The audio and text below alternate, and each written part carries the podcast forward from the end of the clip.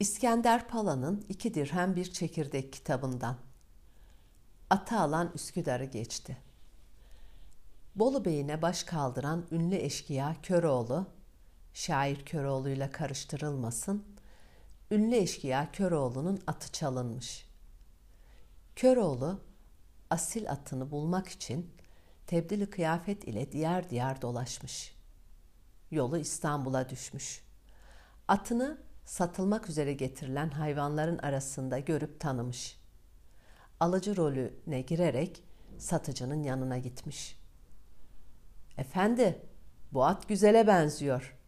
Binip denemek isterim." demiş. Satıcı onu tanımadığından ata binmesine izin vermiş. At sırtına binen sahibini tanıyıp dört nala koşmuş. Köroğlu sirkeci sahiline gelmiş yüklü miktarda para verip sal kiralamış. Atıyla birlikte sala binmiş. At satıcısı dolandırıldığını anlayıp kıvranmaya başlamış. Cambazın dostlarından biri "Sakın üzülme. Ata alan Üsküdar'ı geçti. O Köroğlu'ydu." diye seslenmiş.